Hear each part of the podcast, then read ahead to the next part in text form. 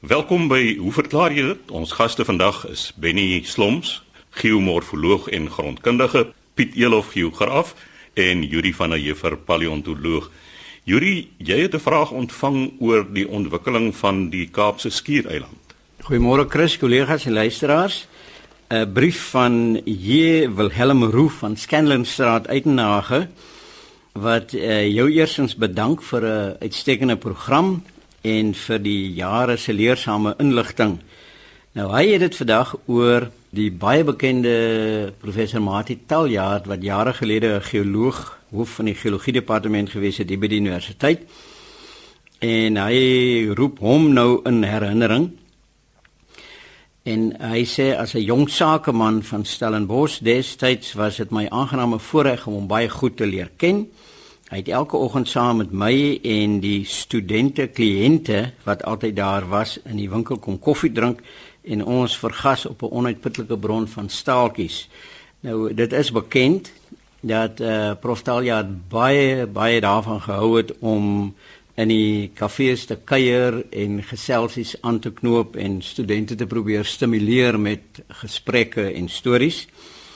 En hy sê Prof Mati het ons vertel Nou weet hy nie of hy miskien maar net met hulle onkundig gespot het nie, maar hy sê hy vertel hulle toe dat toe Tafelberg in die oertyd nog 'n eiland was, die klimaat aan die Weskus van Afrika heel anders was en sy idee en vertelling was dat die warm Indiese Oseaan via die huidige Kaapse vlakte oor die koue Weskuswater noordwaarts gestoot het, dat dit baie gereën het aan die Weskus en dat die plante groei ook anders was as vandag. Nou, my gevoel is dit is so, maar ek het toe met iemand geskakel wat vir professor Talia persoonlik geken het en dis uh, professor Sakkie Rust wat nou afgetree is in Franshoek. Hy was uh, prof Talia se student gewees, 'n PhD student toe hy sy PhD gedoen het juis oor die Tafelberg sandsteen en die goed wat natuurlik nou Tafelberg in die Kaapse vlakte alles insluit. En hy was nogal verras geweest om weer hierdie navraag te hoor want sê hy hy is baie bekend met hierdie geselsies van Prof Taljaard. Hy is ook bekend daarmee dat Prof Taljaard graag soos hy dit gestel het met mense se koppe gesmokkel het en 'n bietjie prikkelend en uitdagend geweest het wanneer hy goed vertel het. Toe onthou ek, is seker een van die bekendste stories oor Prof Taljaard is dat hy op 'n dag gesê het dat die hele administrasiegebou by die universiteit sit vol fossiele en die mense in die administrasiegebou was toe regtig ontsteld geweest hieroor. Maar wat ook waar is dat die gange in die ou administrasiegebou was bekleed met so swart marmerpanele, pragtige goed. Dit natuurlik nou verdwyn toe die administrasiegebou oorgebou is. Ek weet nie wat daarvan geword het nie, maar toe hy nou gekonfronteer word met hierdie klomp geïrriteerde personeel van die administrasiegebou wat natuurlik nou alles insluit tot by die rektor, né? Toe het hy gesê nee, hy het glad nie die mense bedoel nie. Hy het net nou maar hierdie marmerpanele bedoel want die was inderdaad vol fossiel skulpe. Maar eintlik het die mense geweet hy het eintlik die personeel bedoel. So dit was nou professor Maritalia en toe sê Sakkie Rust, maar um, dit is heeltemal 'n uh, geloofwaardige teorie want vandag weet ons as jy nou teen die Weskus opgaan en jy kyk na die fossiele wat daarvan afkom spesifiek van die Weskus fossielpark dan het jy omtrent ek dink oor die 300 spesies wat al beskryf is daar en daar's ook styfmeel gekry versteende styfmeel van die oerplante. So die botaniste weet dat dit was nie so 'n uh, barre boomlose landskap soos dit vandag is nie. Dit was 'n oop boslandskap daar was selfs palmbome daar was 'n groot verskeidenheid diere en daar het byvoorbeeld beere voorgekom wat jy vandag nou glad nie meer kry in uh, Suider-Afrika nie. Die groot jagbeer Agriotherium het daar voorgekom. So ons weet op grond van die diere en die plante dat die klimaat heeltemal anderster was. En uh, eh, Sakirus sê maar dit is heeltemal 'n uh, eh, aanvaarbare idee juis omdat die seevlak in die Miocene hier so tussen 5 en 20 miljoen jaar gelede hoër gewees het en waar die mense vandag op die Kaapse vlak bly was dis 'n vlak see en die water kon juis die Mosambiek-stroom kon 'n kort pad geneem het teen die Weskus op sodat nie net Tafelberg nie maar die hele skiereiland was eintlik dan toe 'n volwaardige eiland gewees. Dis ehm um, J. Willem Leroux, baie dankie vir hierdie stukkie geskiedenis van professor Mati Taljaard en uh, sy idees van destyds was heeltemal geloofwaardig geweest. Yuri kan ek net byvoeg daar jy ken waarskynlik vir Dr James Brink van Bloemfontein. Nou ek was eendag daar toe hy met opgrawings besig was en diere soos buffels byvoorbeeld was baie groter as wat hulle vandag is. Ja, dit gebeur as jy nou hier teen die N1 opry, ek dink hier naby ek moet nou vinnig terugdink, uh, Leo Gamka, daar rond was daar altyd 'n kroeg gewees, 'n hotel met 'n kroeg en daar was 'n groot olifanttand wat in die uh, omgewing uitgestal is. Ons het uh, jare gelede van twee dames, hulle het wederregtelik 'n uh, stuk fossiel naby Kimberley opgetel en die afgebring na ons toe. Dit was 'n stuk skedel wat ons toe nou na die agterkant van die kop kon gekyk het en dit was 'n olifant wat in daai omgewing voorgekom het. En toevallig het die departement afdeling bosbou op daai stadium 'n uh, skedel gehad wat waarskynlik van 'n nysna olifant gewees het. En as mense nou die kneukel, die kondylus agter aan die kop vergelyk, dis waar hy nou met die met die wervels artikuleer dan kon jy sien dat hierdie skedel van Kimberley af 'n reusagtige dier gewees het heel wat groter as die skedel van 'n uh, Nysna olifant. So dit is bekend dat diere in sekere omgewings uh, groter en selfs kleiner word waar jy uh, eilandfaunas kry waar diere afgesonder word op redelike klein eilande is hulle geneig om kleiner te word. Dink in Malta is daar al 'n hele klomp fossiele van soogdiere gekry onder andere dink ek olifante, klein olifantjies. Ons weet almal as jy 'n goudvis in jou dammetjie buite sit en hy's daar's net 'n paar van hulle word hulle redelik groot afhangende van die volume water om hulle en soos hulle dan aanteel en aanteel dan is elke geslag wat nou 'n uh, hele klomp meer goudvisse is dan word hulle al hoe kleiner wanneer hulle volwassenheid bereik. So groot verskille in die natuur is 'n is 'n redelike algemene ding.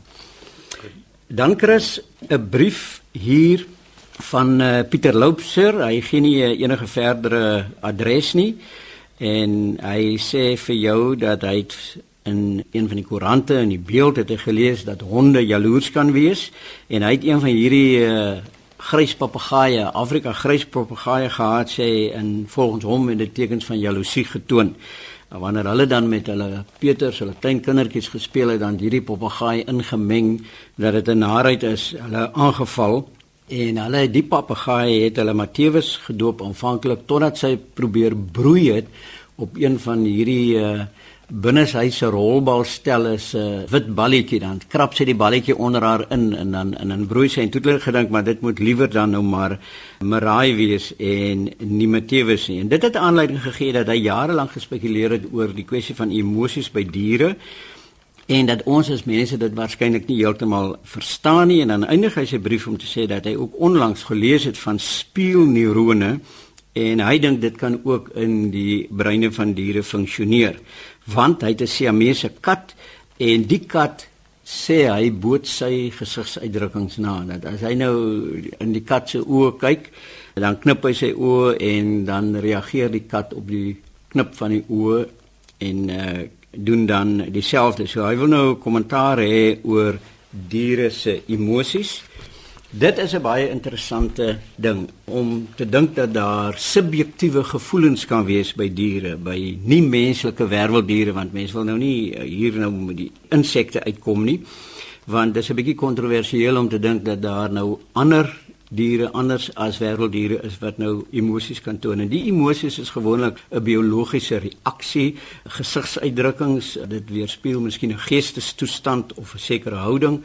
Nou as 'n mens hierdie goed op die internet gaan Google en dan kies jy prente Dan is daar 'n hele reeks van hierdie goed van mense en diere wat 'n interaksie het, diere en diere wat 'n interaksie het en dan kyk 'n mens daarna en dan dink jy werklik hierdie dier is vrolik of nie vrolik nie of nadenkend of wat ook al. So die algemene gevoel Pieter is dat diere net soos ons 'n emosionele sy het en uh, dit word versterk deur die idee dat ons emosies eintlik maar 'n uitvloeisel is 'n evolusionêre uitvloeisel is van die begin van 'n emosionele ervarings by diere. Daaroor het 'n hele boek daaroor geskryf oor uh, emosies by mense en diere en dit ook aangedui So oppervlakkig beskou ja, dit lyk asof diere 'n uh, emosionele sy het.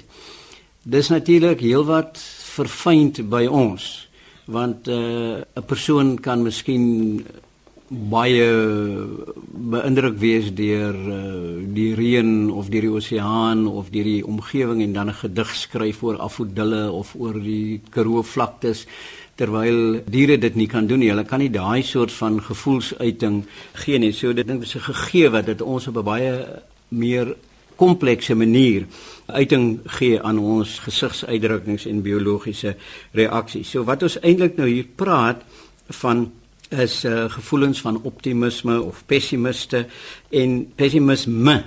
En dis reeds al aangetoon by rotte, by honde, by katte, by ape, by skape, by hoenders en by varke. Ons weet varke is geweldig intelligente diere en daar word aanspraak gemaak dat dit selfs al by heuningbye aangetoon is. En by mense sien ons dit dikwels, daar was nou onlangs 'n geval in die koerant van padwoede. Woede is een van daai aspekte, weersin in uh, enige iets vrees, blydskap, droefheid of uh, verrassing deur goed verras te wees. Al hierdie goed is deur daaroor aangeraak en toon dat daar so 'n emosionele sy is, maar daar's twee punte wat 'n mens dink ek moet teenwaak. En daar is mense, daar is navorsers wat krities is teenoor hierdie verabsolutering van emosies by diere. En die een ding wat 'n mens moet teenwaak is iets soos antroposentrisme. En dit is doodgewoon dat ons sekere gevoelens ervaar en dan wanneer jy 'n dier waarneem, dan lees jy daai gevoelens af in die dier deur te sê ag hy's nou ongelukkig of hy dink nou hieroor of daaroor. Uh mense moet bewus wees daarvan en dan moet jy ook bewus wees van anekdotiese gevalle. Anekdotes is storieetjies, uh, klein vertellingkies.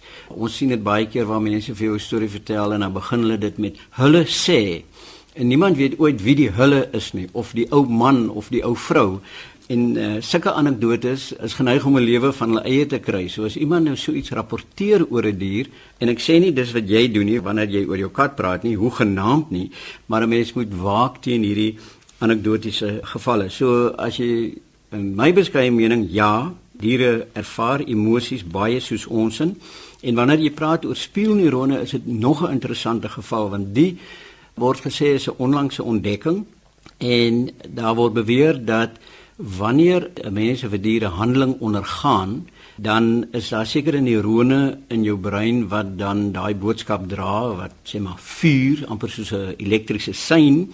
En wanneer jy dan hierdie aksie uitvoer dan is hierdie neurone nou besig en iemand wat jou dan waarneem, wat die handeling waarneem, ervaar dan dat dieselfde neurone sonder dat hy dit hoef te doen of sy net dit waar te neem, dan vier daai selfde neurone by die ander persoon. Nou dit is al aangedui by primate en daar's 'n pragtige fotootjie van 'n man op die internet wat 'n klein aapie nie pasgebore nie maar baie baie jonk in sy twee hande voor reg voor sy gesig hou en dan steek hy sy tong vir hom uit en hy trek die tong terug en dan steek hy apie ook sy tong uit. So daar is suggesties dat voels ook al so 'n stelsel het en dat dit 'n manier is om sekere vaardighede aan te leer in die diere wêreld. So hierdie storie van spieelneurone is vir baie mense gevestig. Ander is nog 'n bietjie meer skepties daaroor en ehm um, dit mag aan die einde van die dag help om handelinge en intensies van ander mense te interpreteer en te verstaan. So dis gekoppel aan emosies en uh die idee of die houding van die kritiseer is geweldige interessante subdissipline. Kom ons wag en kyk wat gebeur. En so sê Yuri van der Heever, ons paleontoloog, Piet, jy het 'n vraag ontvang oor duinsterigheid in die lug.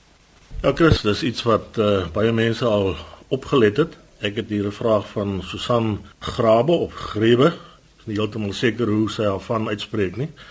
En sy sê hulle ry graag kruis en dwars deur ons land wanneer hulle die geleentheid kry. En nou wonder sy oor duinserigheid. Sy sê mense sien dit so dikwels en ek is geneig om te dink dis meer as net rook en stof. Wat laat die lug so ondeurskynend lyk in die verte? Dit is nou teenoor 'n helder skoon dag waar dit letterlik voel jy kan bome tel op die berge. Nou Susan, ek dink jy is heeltemal reg. Dit is meer as net rook en stof. by die see natuurlik baie soutkristalletjies wat ook in die in die lug rondsweef. Maar uh die duinserigheid is in 'n groot mate die resultaat van onsuiverhede in die lug. Nou soms is dit ook waarneembaar dat ver voorwerpe in die namiddag duideliker sigbaar is as wat dit in die oggend was. Nou kan 'n mens vra hoe so? In die namiddag is die relatiewe vochtigheid dikwels nou onder die versadigingsdampdruk en kondensasie vind nog nie plaas nie. En die swewende partikels bly dus relatief klein. Nou hierdie klein, kom ons noem dit droë duinserigheid partikels verstrooi selektief sommige van die sonstrale en laat ander dan natuurlik deur. Nou die droë duinserigheid veroorsaak ook dan 'n blouerige kleur teen 'n donker agtergrond. Aan die ander kant weer saans koel lug af, dan neem die relatiewe vochtigheid toe en is moontlik dat selfs kondensasie plaasvind rondom hierdie swewende partikels of ons noem dit partykeer ook aerosols. Met ander woorde jy het nou 'n groter swewende partikel in die lug vroeg in die oggend. En dan word daardie lig meer gereedelik verstrooi en jy het 'n witterige kleur duinserigheid wat jy dan waarneem in die oggend in teenstelling met wat jy in die laatmiddag kom ons sê 'n skoner, helderder lig sien. En dan miskien net iets verder wat ek kan byvoeg is dat veral na 'n reënbui sou julle seker al opgelet het is die lig besonder blou want hy's skoon gereën. Al daardie stofdeeltjies en soutkristalletjies en rook dele partikels in die lug, die is dan skoon gereën en dan is dit hoofsaaklik die korter golwe wat weerkaats word in die blouerige kleur gee wat dan ook vir ons 'n baie duideliker en helderder mooi skoon dag gee. So Susan, ek hoop dit help om te verklaar wat die verskil in duinserigheid is. In Engels praat hulle van haziness in die oggend en in die namiddag. En so sê Piet Elof, ons geograaf. Laaste aan die woord Benny Sloms, geomorfoloog en grondkundige En Benny, iemand wil meer weet oor aardbewings en dan meer spesifiek die naskokke daarvan. Dankie Chris. Ons het 'n brief ontvang van Morne van der Merwe van Woester en hy wil die volgende weet. Hy sê wanneer daar in die nuus berig word oor 'n aardbewing, word daar soms ook verwys na naskokke van die aardbewing. Hy sê my vraag is: Wanneer word 'n aardbewing beskou as 'n naskok van die hoofskudding? En dan sê verder baie tyd moet seker verloop om weer te praat van 'n hoofskudding en nie meer 'n naskok nie. Nou uh, môre, kom ons begin by 'n aardbewing self. Wat veroorsaak aardbewings? Ek kan dit kortliks as volg definieer: die skielike laterale of vertikale beweging van rots of gesteentes langs 'n breeksone veroorsaak aardbewings. Dit is hierdie geweldige hoeveelheid energie wat vrygelaat word wat vir jou hierdie energiegolf gee wat ons as 'n aardbewing waarneem. Nou aardbewings kom hoofsaaklik langs plaatgrense voor op aarde. Meer as 90% van alle aardbewings kom daar voor, maar dit vind nie noodwendig net by plaatgrense plaas nie. Ons kry ook aardbewings in die middel van plate ver weg van hierdie plaatgrense en daar is dit gesteente laag wat ten opsigte van mekaar beweeg. Nou die eerste vraag net, wanneer word 'n aardbewing beskou as 'n naskok van die hoofskudding? Nou 'n naskok is 'n kleiner aardbewing as die voorafgaande hoofskudding. Maar baie belangrik, dit kom voor in dieselfde area as die hoofaardbewing. So dit is die die kern van die antwoord. Naskokke kom altyd van dieselfde omgewing waar ons die eerste aanvanklike hoofaardbewing gehad het. Nou indien 'n naskok natuurlik in dieselfde omgewing groter is as die initiële aardbewing, dan word hierdie naskok gereken as die aardbewing en die een wat ons ervaar het voorheen, dit word 'n voorskok. So die grootste van of die aardbewing of die naskokke word as die aardbewing beskou en dan kry ons voorskokke en naskokke. Nou naskokke vorm in die aardkors rondom hierdie verplasingszone wat vir jou sê dat daar's nog steeds aanpassings wat gemaak word as gevolg van hierdie verskywing wat plaasgevind het. Dis gewoonlik kleinere aanpassings. Nou hoe lank na aardbewing kry 'n mens hierdie naskokke? Groot aardbewings produseer gewoonlik 'n hele reeks van naskokke binne die eerste uur. So dit is baie kort na die hoofaardbewing dat ons begin naskokke kry. Hoe langer tyd verloop, as ons van ure oorgaan na dae, dan raak die aantal naskokke al hoe minder en dan neem dit heeltemal af. En dan vra Morne baie interessant. Hy verwys hier na die Ceres aardbewing wat ons gehad het in 1969. Hy sê daar was die hoofskudding gevolg deur naskokke. Was die naskokke skuddings in eie reg? En dan wil hy ook weet wanneer is 'n naskok nie meer deel van 'n hoofskudding nie. Wanneer het jy 'n nuwe aardbewing wat plaasvind? Nou ehm of die naskokke skuddings in eie reg is, elkeen is natuurlik 'n skudding in sy eie reg, maar ons sien naskokke as gebeurtenisse wat die gevolg is van die hoofskudding wat plaasgevind het. Sou daar lang tyd verloop sonder enige seismiese aktiwiteit en gewoonlik is dit in 'n ander omgewing en daar sou nou weer 'n aardbewing wees, kom ons sê langs die Woesterbreek, maar kom ons sê dis verder suid in die rigting van Woester of daar na Robertson, dan sal dit natuurlik 'n nuwe aardbewing wees. Ons weet dat die groot een in 1969 was daar in die Tilbag omgewing, Tilbag Ceres omgewing. Dis waar die episenter was. Maar daardie episenter kan langs daardie Woesterbreek natuurlik verskuif van tyd tot tyd. Benny, ja, ek onthou daar in 1969 een was in die September skoolvakansie gewees, maar vroeg in 1970 toe die skool reeds begin het, was daar ook 'n redelike een. Sou dit nog 'n uh, naskok gewees het? As dit van dieselfde omgewing afkomstig was, dan is dit 'n naskok. Maar ek moet miskien sê dat daardie naskok, daardie tweede een, was redelik hewig geweest. Ek onthou nog die studente het uit die koshuis uitgehardloop Ek was toevallig 'n paar keer gewees daar naby Narina Koshuis. Ek het glad nie daai aardbewing gevoel nie. Ek het net die gevolg gesien van die aardbewing soos die meisies by die trappe afgestorm het. Mag ons vra waarmee jy besig was?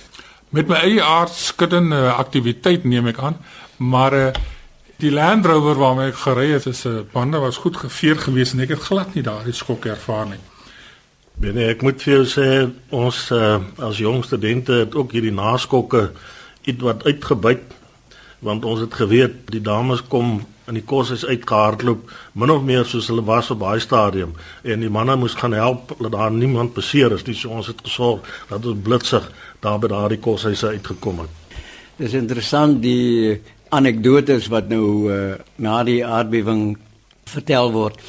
Ek was daai aand in die dorp gewees en was op pad terug koshuis toe toe die groot aardbewing nou gebeur het. En die mense het uitgehardloop in die straat uit die kafees uit. En ek stap toe voor die polisiestasie verby wat op daai stadium nog in die hoofstraat gewees het. En al die polisiemanne staan buite op die sypaadjie en toe ek verbyloop toe hoor ek die een sê so heel opgewonde vir die ander manne ek het gedink dis die oordeelsdag ek het nog net gewag vir die trompette om te begin speel maar Yuri jy het aan die begin van die program verwys na professor Mati Taljaard en uh, die impak wat hy op studente gehad het. Ek wil net sê dat die jaar voor hierdie aardbewing het ek geologie 1 in my kursus gehad by uh, professor Gary Zunge. En onder andere het hy hierdie hele woesterbreek met ons behandel en dat daar van tyd tot tyd verskywings plaasvind. En toe die aardbewing plaasvind, toe ek onmiddellik geweet dit kan net die woeste breek wees wat nou weer aktief is en ek het my gedraai na die ooste kant toe en ek kon letterlik die oorsprong van die golwe ek, ek kon voel van waar kom die golwe so ek het dadelik geweet wat dit was nie omdat ek op daardie stadium goed onderlê was in geologie nie maar die feit dat professor Zenge vir ons hierdie hele Woesterbreek so mooi verduidelik het. En omdat jy die kennis gehad het, jy onmiddellik geweet wat dit was en geweet dit is nie die oordeelsdag wat nou daar voorhande is nie. En so sê Benny Sloms, daarmee is ons tyd ook ongelukkig verstreke. U kan skryf aan hoe verklaar jy dit? Posbus 2551 Kaapstad 8000 of stuur 'n e-pos aan chris@rsg.co.za.